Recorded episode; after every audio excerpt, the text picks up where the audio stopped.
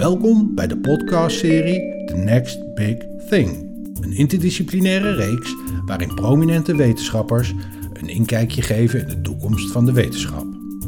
In deze aflevering Rens Bot, hoogleraar computationele en digitale geesteswetenschappen aan de Universiteit van Amsterdam. Dit afsluitende college blikt terug op deze lezingenreeks en vat samen. We gaan weer beginnen, beste mensen, bij deze laatste bijeenkomst. Alle welkom. Een cursus in zijn geheel samenvatten is natuurlijk onmogelijk, maar het is toch goed om weer even terug te kijken. Want we zijn begonnen met twee colleges helemaal aan het begin, door mijzelf. Vervolgens hebben we een groot aantal gastlezingen gehad, uh, die zeg maar echt de cutting edge van, uh, van de wetenschap uh, liet zien. En bij deze komen we dus bij elkaar om het geheel nog eens een keer te overzien. Om even terug te kijken, in de eerste twee weken hebben we vooral ons bezig gehouden met het ontkrachten van de mythe, van het verhaal, het narratief. Dat er alleen vooruitgang zou zijn geweest in wetenschap in het Westen. Dat is niet waar. Het blijkt overal, in alle regio's van de wereld, niet alleen sprake te zijn van een zoektocht naar patronen en principes.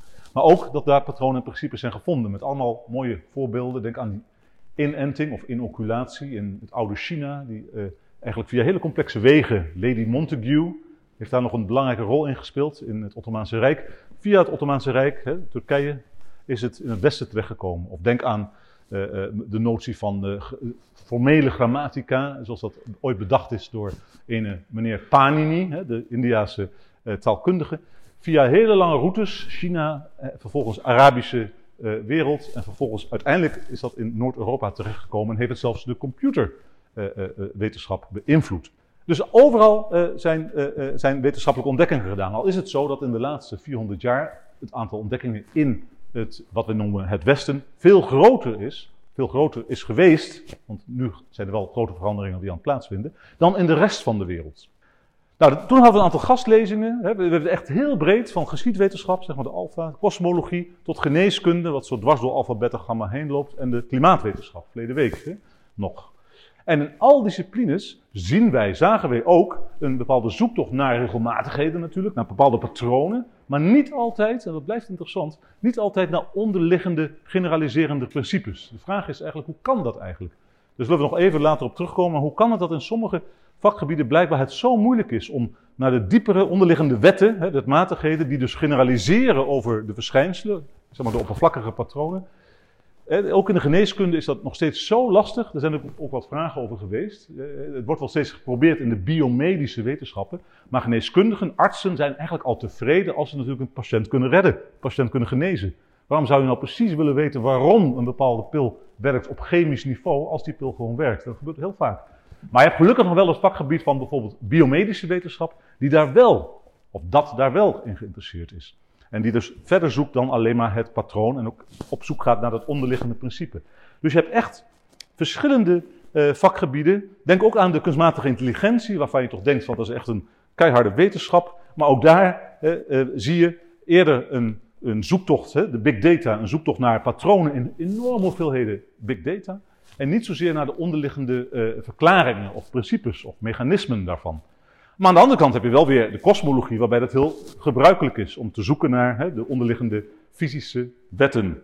En uiteindelijk uh, willen we natuurlijk uh, ons afvragen vandaag hoe nauwkeurig waren nu die voorspellingen van de next big thing? Um, en kan, kunnen we dit misschien vaststellen in de loop van de geschiedenis, aan de hand van de geschiedenis? Dat kan natuurlijk als we terugkijken hè, en dan kijken van hoe goed waren nou bepaalde voorspellingen, bijvoorbeeld in de 16e eeuw, die zijn er niet veel trouwens, maar je hebt ze wel, voor latere tijdstippen. Het wordt ook lastig als we naar de toekomst nu willen kijken. We kunnen niet eventjes vooruitspoelen de tijd en dan weer terug te keren. Het zou toch prachtig zijn. En dan weer snel terug te keren naar deze plek. Uh, dat is, uh, we kunnen wel vooruit trouwens, dan moeten we een heel snelle raket gaan reizen, maar we kunnen dan niet meer terug volgens uh, hedendaagse natuurkundigen tenminste. Maar we zullen er wel iets over zeggen vandaag, hoewel we daar niet het laatste woord over kunnen geven. Al die dingen die we tot nu toe hebben behandeld, en eigenlijk ook in die gastcolleges, dat waren allemaal voorbeelden van noem het maar geslaagde kennis. Eh, wetenschappelijk onderzoek dat heeft geleid tot publicaties, dat vervolgens ook meerdere keren is gerepliceerd, als het goed is. Niet altijd gebeurt dat, maar. En vervolgens deel gaat uitmaken van de kanon van een bepaalde wetenschap. Denk aan de geneeskunde met zijn eh, bepaalde. Eh, als het niet wordt gerepliceerd in de geneeskunde, dan wordt het meestal nog niet als, als geaccepteerd gezien, als geaccepteerde kennis. Echter, niet alle kennis is gelukt. Er is namelijk niet alleen zeer veel vergeten, er zijn zelfs hele boeken over geschreven, long forgotten knowledge. Ehm, kennis die dus vroeger wel als geaccepteerd werd gezien en nu niet meer.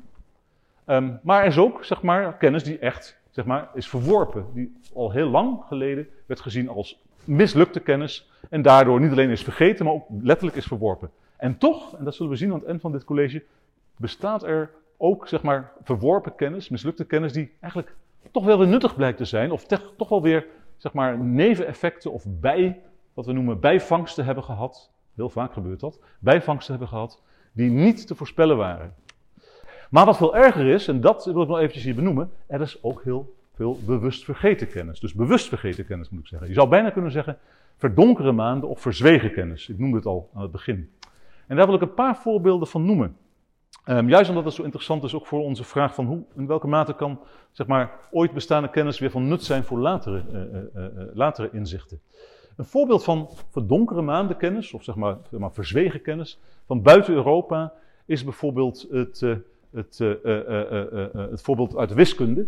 Um, en voordat ik dat noem, wil ik even noemen dat dat onderzoek naar verzwegen niet-westerse kennis, in het bijzonder niet-westerse kennis, is bijna tegenwoordig een subdiscipline geworden binnen niet alleen de uh, wetenschapsgeschiedenis, maar ook binnen geschiedenis in het algemeen.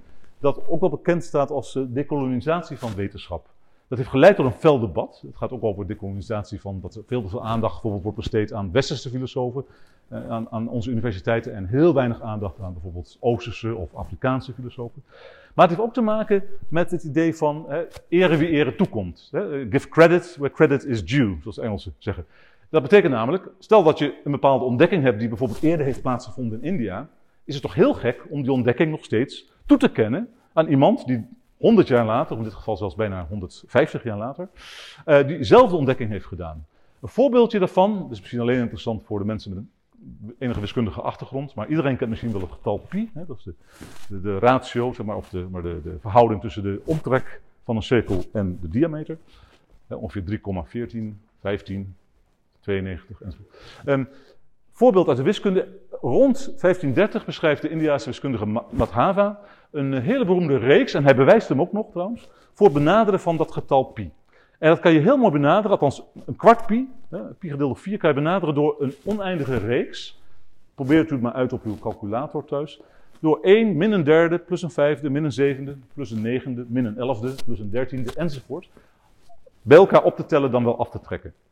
Dat soort reeksen, uh, hij heeft er meer van ontdekt en bewezen, zijn fascinerend omdat ze ontzettend uh, precies convergeren naar een, wat toch bekend staat als een irrationaal getal, hè, getal pi, een algebraisch getal.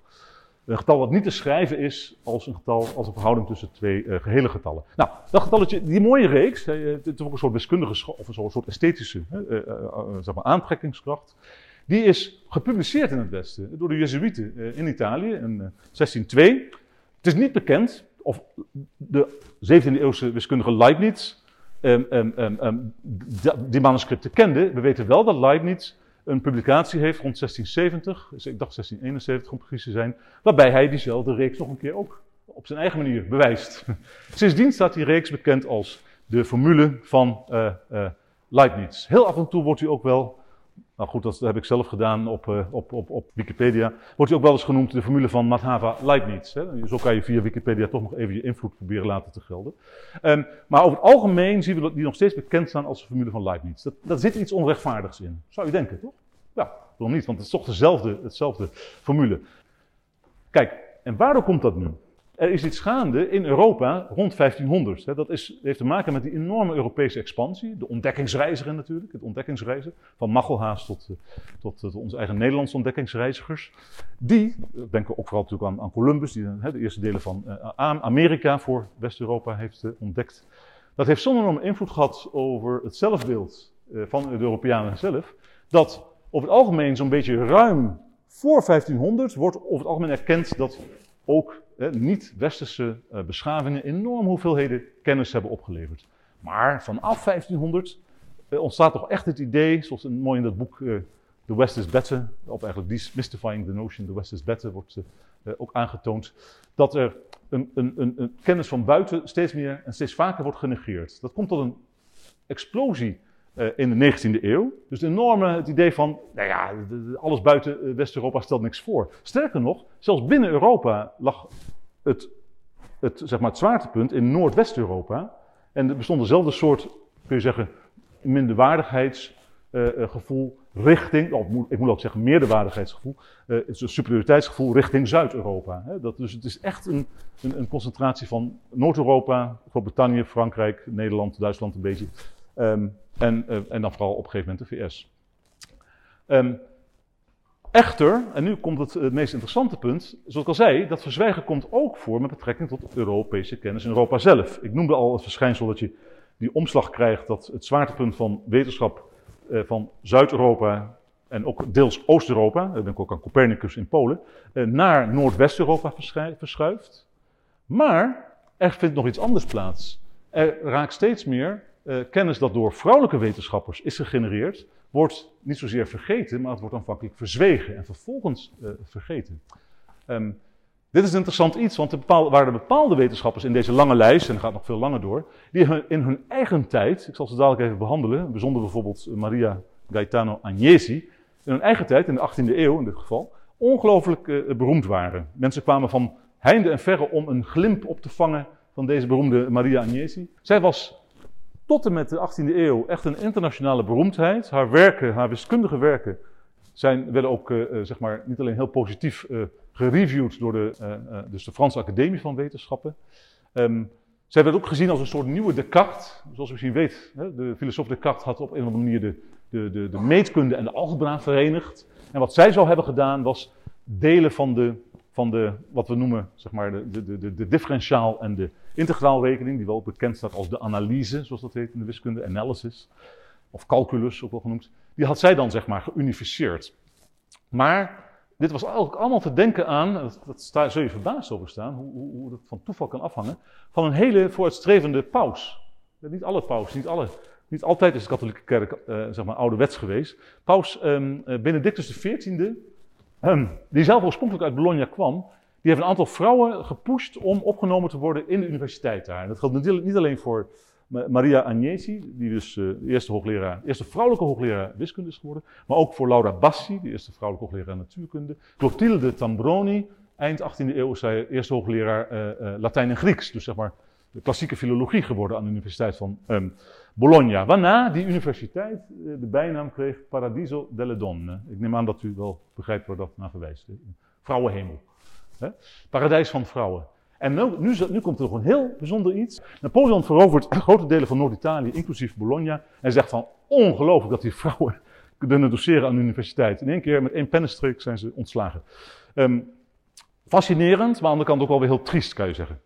Uh, nou, er zijn ook vrouwen die zeg maar minder zijn buitengesloten. En toch, en toch, iedereen kent nog steeds de grote werken van Marie Curie. Ze heeft maar liefst twee Nobelprijzen op haar naam staan. Maar toch mocht zij niet worden toegelaten tot de Franse Academie van Wetenschappen. Dat is dan weer fascinerend. Ze werd gewoon nog buitengesloten. Hetzelfde geldt, een uh, ander triest voorbeeld vind ik, omdat ze vrij jong is overleden. Dat geldt niet voor uh, Marie Curie of Slodowska-Curie. Uh, Rosalind Franklin, nu misschien vrij bekend, ook omdat er allerlei prijzen, prijzen en ook posities naar haar zijn vernoemd, zijn genoemd. Zij is vrij jong overleden aan kanker, maar zij heeft mede de structuur die beroemde uh, triple helix, uh, of dubbele helix structuur, pardon, van uh, het DNA en de RNA ontdekt, samen met Francis en Crick in de biologie. maar alleen die mannelijke collega's kregen daar een Nobelprijs voor. Dat zijn natuurlijk zulke trieste verhalen. er zijn er veel meer van dat soort verhalen. er is wel iets aan het veranderen. Hè, dus als we denken over enigszins verzwegen kennis of verzwegen bijdragen, bijna verdonkere maanden bijdragen van, van iemand als Rosalind Franklin, dat komt nu steeds minder vaak voor. Uh, we hebben ook nog pas twee jaar geleden de Nobelprijs van scheikunde gezien die aan twee vrouwen, CRISPR, is gegeven. Dat was die beroemde ontdekking.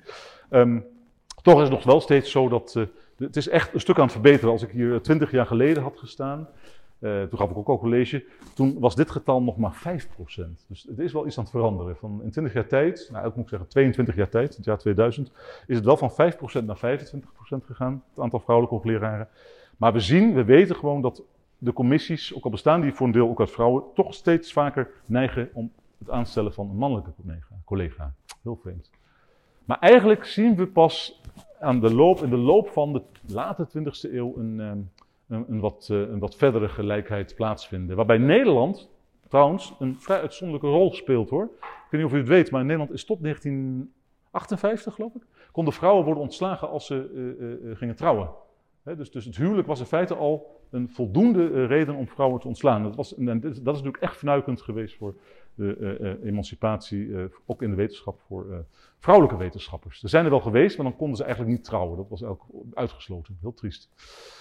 Nou, naast die uitzonderingen hebben we nog een andere tendens in die kennisgeschiedenis gezien, zoals ik al zei. En dat ziet, dat ziet, er als volgt uit. Alles wat niet westers en niet mannelijk was, eh, wordt zeg maar, enigszins buitengesloten. Niet volledig, maar voor een heel groot deel. Maar ook in die lange termijn geschiedenis van, uh, van, van, van kennis, van wetenschap, zien we ook dat alles wat niet behoort tot de natuurwetenschap wordt buitengesloten vanaf de 19e eeuw. Uh, nou, daar hebben we wel geprobeerd om in, ons, in onze cursus wat veranderingen aan te brengen. Want we hebben zowel gesproken over een aantal hè, typische gamma-wetenschappen, als ook over een aantal enkele typische alpha-wetenschappen. En dan blijkt echt dat toch overal wordt gezocht van, hè, van naar die noties van regelmatigheden, onderliggende verklaringen en dergelijke. Wat dus van belang is, is hier dat het idee van het decoloniseren van die wetenschapsgeschiedenis, dat je dus ook het, het, het de niet-westerse bijdrage, hè, eh, de juiste uh, uh, zeg maar credits wil geven, is in feite onvoldoende. Je wilt ook streven naar diversiteit. Diversiteit zowel op het terrein van de mogelijke bijdrage van andere groepen dan alleen witte mannen, maar ook bijdrage van andere wetenschappen dan alleen de natuurwetenschappen. Nou, u vraagt zich misschien af hoe is het dan gekomen dat de natuurwetenschappen zo belangrijk worden? Die natuurwetenschappen waren lange tijd bezig met, om zichzelf te emanciperen. Lange tijd waren ze deel van de natuurfilosofie en vervolgens van de filosofie. Maar feitelijk waren eeuwenlang die zogeheten humaniora, zoals ze werden genoemd, de alfawetenschappen, hadden een meer vooraanstaande status. Theologie hoorde daar toen ook bij, eh, de klassieke talen. Eh, dat was echt uit, out of balance, zeg maar, uit, uit de balans. En wat in de loop van de 19e eeuw is gebeurd, is niet alleen dat die natuurwetenschappen hè, uh, uh, terecht een eigen faculteiten opeisen aan de universiteiten. Dus niet meer deel uitmaken van de filosofie, maar een eigen faculteit natuurwetenschappen, ook scheikunde. Op een gegeven moment kwam erbij, vervolgens ook de, later de computerwetenschap. Um, maar ook dat hun inzichten en ontdekkingen nog veel grotere toepassing hadden dan in die alfawetenschappen. Op lange tijd dacht men echt dat die alfawetenschappen ook de essentie hè, waren van menselijke zelfontplooiing. Dat zag men als het grootste, hoogste goed. Maar uiteindelijk waren die toepassingen van de alfawetenschappen veel minder indrukwekkend van aard. Ze waren er wel, zoals ik heb laten zien, maar veel minder indrukwekkend van aard dan die natuurwetenschappen. Nou, vanaf dat moment, als dat eenmaal duidelijk wordt, en dat zie je in de, de loop van de 19e eeuw, met die opkomst van enorme hoeveelheden technologie, eigenlijk zie je het al eind 18e eeuw, met ontdekking van de, uh, de herontdekking van de stoommachine. Maar in de loop van de 19e eeuw wordt het zo duidelijk dat, dat, dat investeren in de natuurwetenschappen, dat loont directer dan investeren in de uh, geesteswetenschappen of de latere sociaalwetenschappen. Um, als men dus denkt vanuit dat nutsbeginsel. Hè. Dus dan zie je inderdaad dat, dat, dat die twee werkelijk zeg maar, tegen elkaar worden uitgespeeld. En dan zie je ook voor het eerst, dat is wel interessant, in de curricula, en daar komt het vooral door, in de curricula, dus in de cursussen die worden aangeboden aan universiteiten, zie je voor het eerst iets heel interessants. Men denkt, we moeten die geesteswetenschappelijke studenten ook wat kennis bijbrengen van de geschiedenis van de natuurwetenschap. Hoe doen we dat? Dan bieden we hun geschiedenis van de natuurwetenschappen aan. Interessant genoeg werden diezelfde vakken, geschiedenis van de natuurwetenschappen, ook aangeboden aan de faculteit, aan de studenten van de faculteit natuurwetenschappen. Maar niet om hun nog meer kennis van de natuurwetenschappen aan te bieden, maar, maar om hen in ieder geval een soort, noem het maar, geesteswetenschappelijke dimensie aan te bieden hè, voor die natuurwetenschappen. En wat je dan ziet is dat die andere wetenschappen, historisch gezien, dus ik heb alleen over de historische bestudering daarvan, eigenlijk out of the equation, hè, uit, uh, ja, hoe noem je dat in het Nederlands eigenlijk? Die vallen dan buiten de boot, simpel gezegd. Um, dus dan zie je eigenlijk dat dat is ontstaan, als je goed kijkt naar, naar, naar de bestudering daarvan, dan zie je dat dat eigenlijk ontstaat door een soort, uh, en dat was ook het doel hoor, van, de, van sommige eerste historici, om te zeggen, we moeten eigenlijk die geschiedenis bestuderen, want de geschiedenis van de natuurwetenschap kan er precies dienen als, zeg maar, bindmiddel tussen die om geesteswetenschappers en natuurwetenschappers dichter bij elkaar te brengen. Want die kunnen dan beide geïnteresseerd zijn in geschiedenis, maar dan niet van de alfawetenschappen of sociale wetenschappen, maar juist van de natuurwetenschappen. Nou, nu komen we bij die mislukte kennis terecht. We hebben het gehad over vergeten kennis. Eventjes terugkoppelen vandaag. Hè? We hebben het gehad over mislukt, sorry, we gehad over verzwegen kennis. Dus kennis die vergeten en soms ook verzwegen is. Maar er was nog een derde, dat was die mislukte kennis. En dat is een interessant iets. Heel veel kennis of heel veel wetenschappelijke resultaten mislukken continu. Zelf ben ik niet alleen bezig op historisch vlak. Ongeveer de helft van mijn tijd hou ik me bezig met wetenschapsgeschiedenis, maar de andere helft ben ik gewoon een computerlinguist die modellen bouwt, die uh, ja, zit te programmeren. Hoewel ik de afgelopen dagen alleen maar aan een projectvoorstel heb zitten werken. Maar gewoonlijk zit ik te programmeren, modelletjes uittesten op, op allerlei verschillende talen en kijken hoe goed dat werkt. Of we betere vertaalprogramma's kunnen maken. Hè.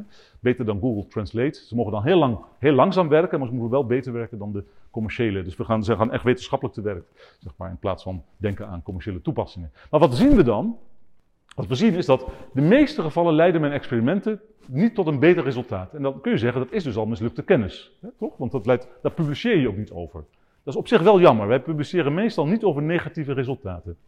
Nou, in de geschiedenis zien we ook heel veel voorbeelden van mislukte kennis. Alleen, er zijn er waarschijnlijk nog honderden miljoenen meer voorbeelden. Deze voorbeeldjes die ik nu noem, dat moet ik echt op het hart drukken, zijn de voorbeelden die het hebben overleefd, waar we toevallig kennis van hebben.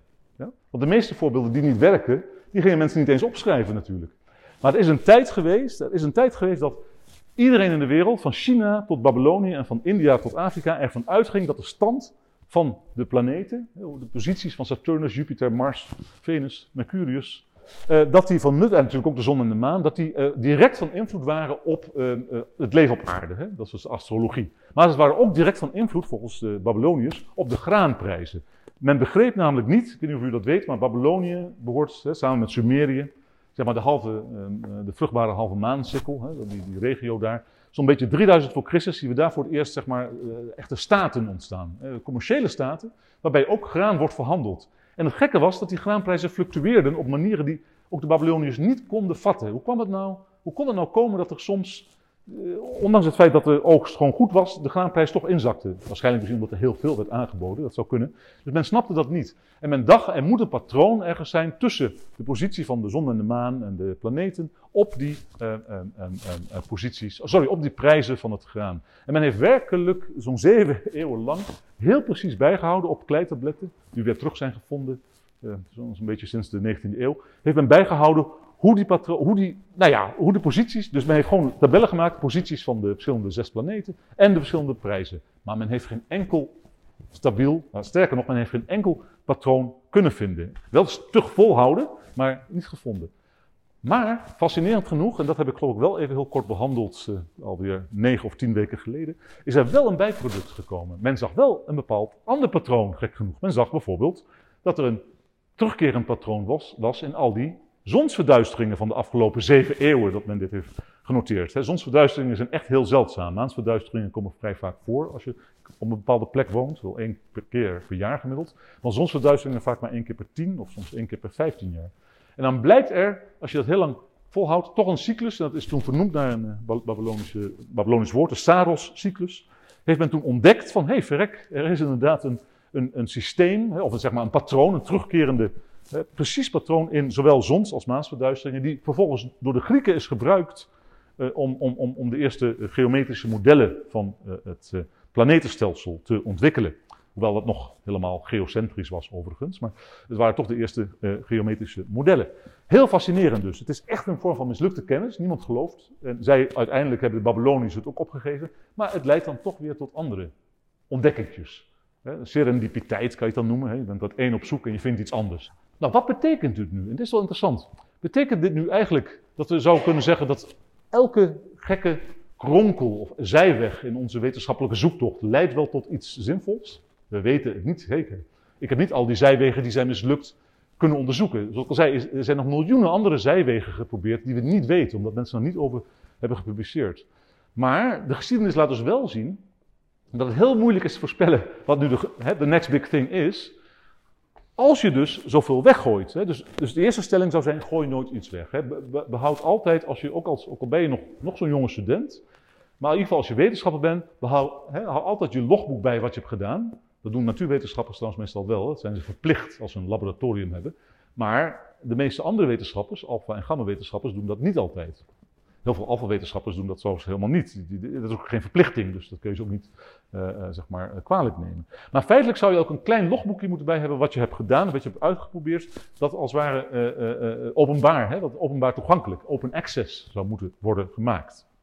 Dus inderdaad, zorg voor gewoon in elke afdeling, zou ik zeggen, voor een degelijke historische verslaglegging van alle dingen die je hebt uitgeprobeerd, dus ook de mislukte ideeën, dat zou zo, zoveel waard zijn, eh, ook voor de toekomst. Dan zou je ook kunnen, dan zou je niet als wetenschapper misschien opnieuw het wiel, of vooral niet het vierkante wiel hoeven uit te vinden, dingen die gewoon mislukken. Dus publiceer ook, en als je ze niet publiceert, ik bedoel dan niet dat je ze moet publiceren in de toonaangevende tijdschriften, zoals uh, Science and Nature of zo, maar maak ze wel beschikbaar. Zet ze online, publiceer dus, maak ze publiek, in de oude betekenis van het woord. Maak ook publiek die negatieve resultaten. Dus kunnen we nu, nu komen we tot de essentie van de vraag, kunnen we nu eigenlijk die next big thing voorspellen? Er zijn dus twee problemen. Ik, ik, ik blijf problematiseren, want het is een, een never-ending quest, een never-ending uh, zoektocht. Er zijn echt twee problemen. Namelijk het probleem van vergeten kennis die niet is mislukt, maar toch is vergeten, en dan kunnen we er echt niet bij. Dus volledig vergeten kennis. Want als hij wel was gelukt, dan hoop je toch dat het vroeg of laat weer bekend wordt. Maar ook mislukte kennis die vaak is vergeten. En dan, dat is een heel triest geval. Dus mislukte kennis die dan niet is opgeschreven, waarbij mensen dan, en niet alleen twee keer, maar soms zelfs drie keer, vier keer en nog veel vaker hetzelfde doen. Uh, iedereen die actief is in een bepaald wetenschappelijk vakgebied, die, die weet al heel gauw van nee, die, die richting hoef je niet uit te proberen, want het is algemene lore knowledge, kennis, algemene kennis, dat dat niet tot een succes leidt. Maar ja, je weet het nooit 100% zeker. Je hebt toch eigenwijze wetenschappers die dat wel willen doen en soms leidt het wel tot succes. Dus de vraag is natuurlijk van kunnen wetenschappers en historici of futurologen, als u zo willen, kunnen die wel voorspellingen doen over de toekomst zonder dat wiel opnieuw uit te vinden? Of zonder nieuwe misvattingen eh, of zonder te vervallen tot uh, eerdere misvattingen, moet ik ook zeggen. Nou, volgens mij kan dat wel, maar dat zou dus alleen maar kunnen met een zeer gedegen kennis van de wetenschapsgeschiedenis. Een kennis die eigenlijk verder reikt dan de bronnen die we tot nu toe hebben. Nou denkt u misschien, deze meneer pleit voor zijn eigen vakgebied. Maar eigenlijk pleit ik gewoon voor een andere praktijk van wetenschappelijk onderzoek. Dat iedereen in zijn eigen vakgebied en haar eigen vakgebied precies bijhoudt wat, welke richting niet is gelukt. En dat kan heel kort. Hè? Een logboek. Dan kun je elke dag een klein één regeltje inzetten. Meer hoeft dat niet te zijn. Onderzoeksinstituten aan een universiteit zouden ook altijd een wetenschapshistoricus in dienst moeten hebben, zou je zeggen. En aan de UvA is dat, geldt dat wel voor een aantal instituten. Ik ben daar ook heel blij mee. Bijvoorbeeld het wiskundige, het mathematisch instituut. Hier aan de UvA heeft een historicus van de wiskunde in dienst, een universitair hoofddocent. En ook het Instituut voor Fysica heeft zelfs een hoogleraar, uh, Jeroen van Dongen, uh, hoogleraar natuurwetenschappen, de geschiedenis van de natuurwetenschappen in dienst. Om niet alleen een soort noodzakelijke, reflectie te geven, um, maar ook dus voor om na te gaan of bepaalde ideeën uit de wetenschapsgeschiedenis opnieuw van nut kunnen zijn voor de hedendaagse sterrenkunde of natuurkunde. En uh, heel veel instituten hebben trouwens geen wetenschapshistorici. Dus ik zou zeggen, dan uh, neem zo iemand in dienst. Hè? Dat is heel belangrijk. Nou, kom ik tot een eind. Het blijft dus hachelijk om zeg maar, de next big thing te voorspellen. Dat is zeker. Hè? Dus, dus, de vraag van kunnen we dat nou eigenlijk precies? Dat is alleen maar uh, echt te beantwoorden door, en die belofte heb ik ook wel eens gegeven, om de sprekers over vijf jaar of over tien jaar nog eens uit te nodigen. En dan te kijken of hun voorspellingen eigenlijk zijn uitgekomen. Of haar voorspellingen. Kijk, het punt is echter wel dat de next big thing in de wetenschap, en dat heb ik ook vandaag even willen laten zien, uh, volgen wel heel precies de verwachtingen van wetenschappers. Elke keer als wetenschappers en dat geldt ook voor mezelf, als onderzoekers opnieuw iets gaan uitproberen, denk ook aan je eigen scriptie of aan je eigen bachelorthesis, dan ga je toch denken van dit zou wel eens een interessante uh, richting kunnen zijn. En dat is eigenlijk al het idee van de next big thing. Dus continu, uit een uitroepteken, proberen, proberen onderzoekers, van studenten tot, tot, tot senior onderzoekers, hun verwachtingen in de vorm van de next big thing uh, weer te geven en, hun, en daarmee ook hun onderzoek vorm te geven. En mijn laatste zin, volgens mij, zal er nog zijn dat doe dit dan wel met kennis van zowel zeg maar, de hedendaagse als de verleden wetenschap. Dat is ook de essentie. Dus dankjewel.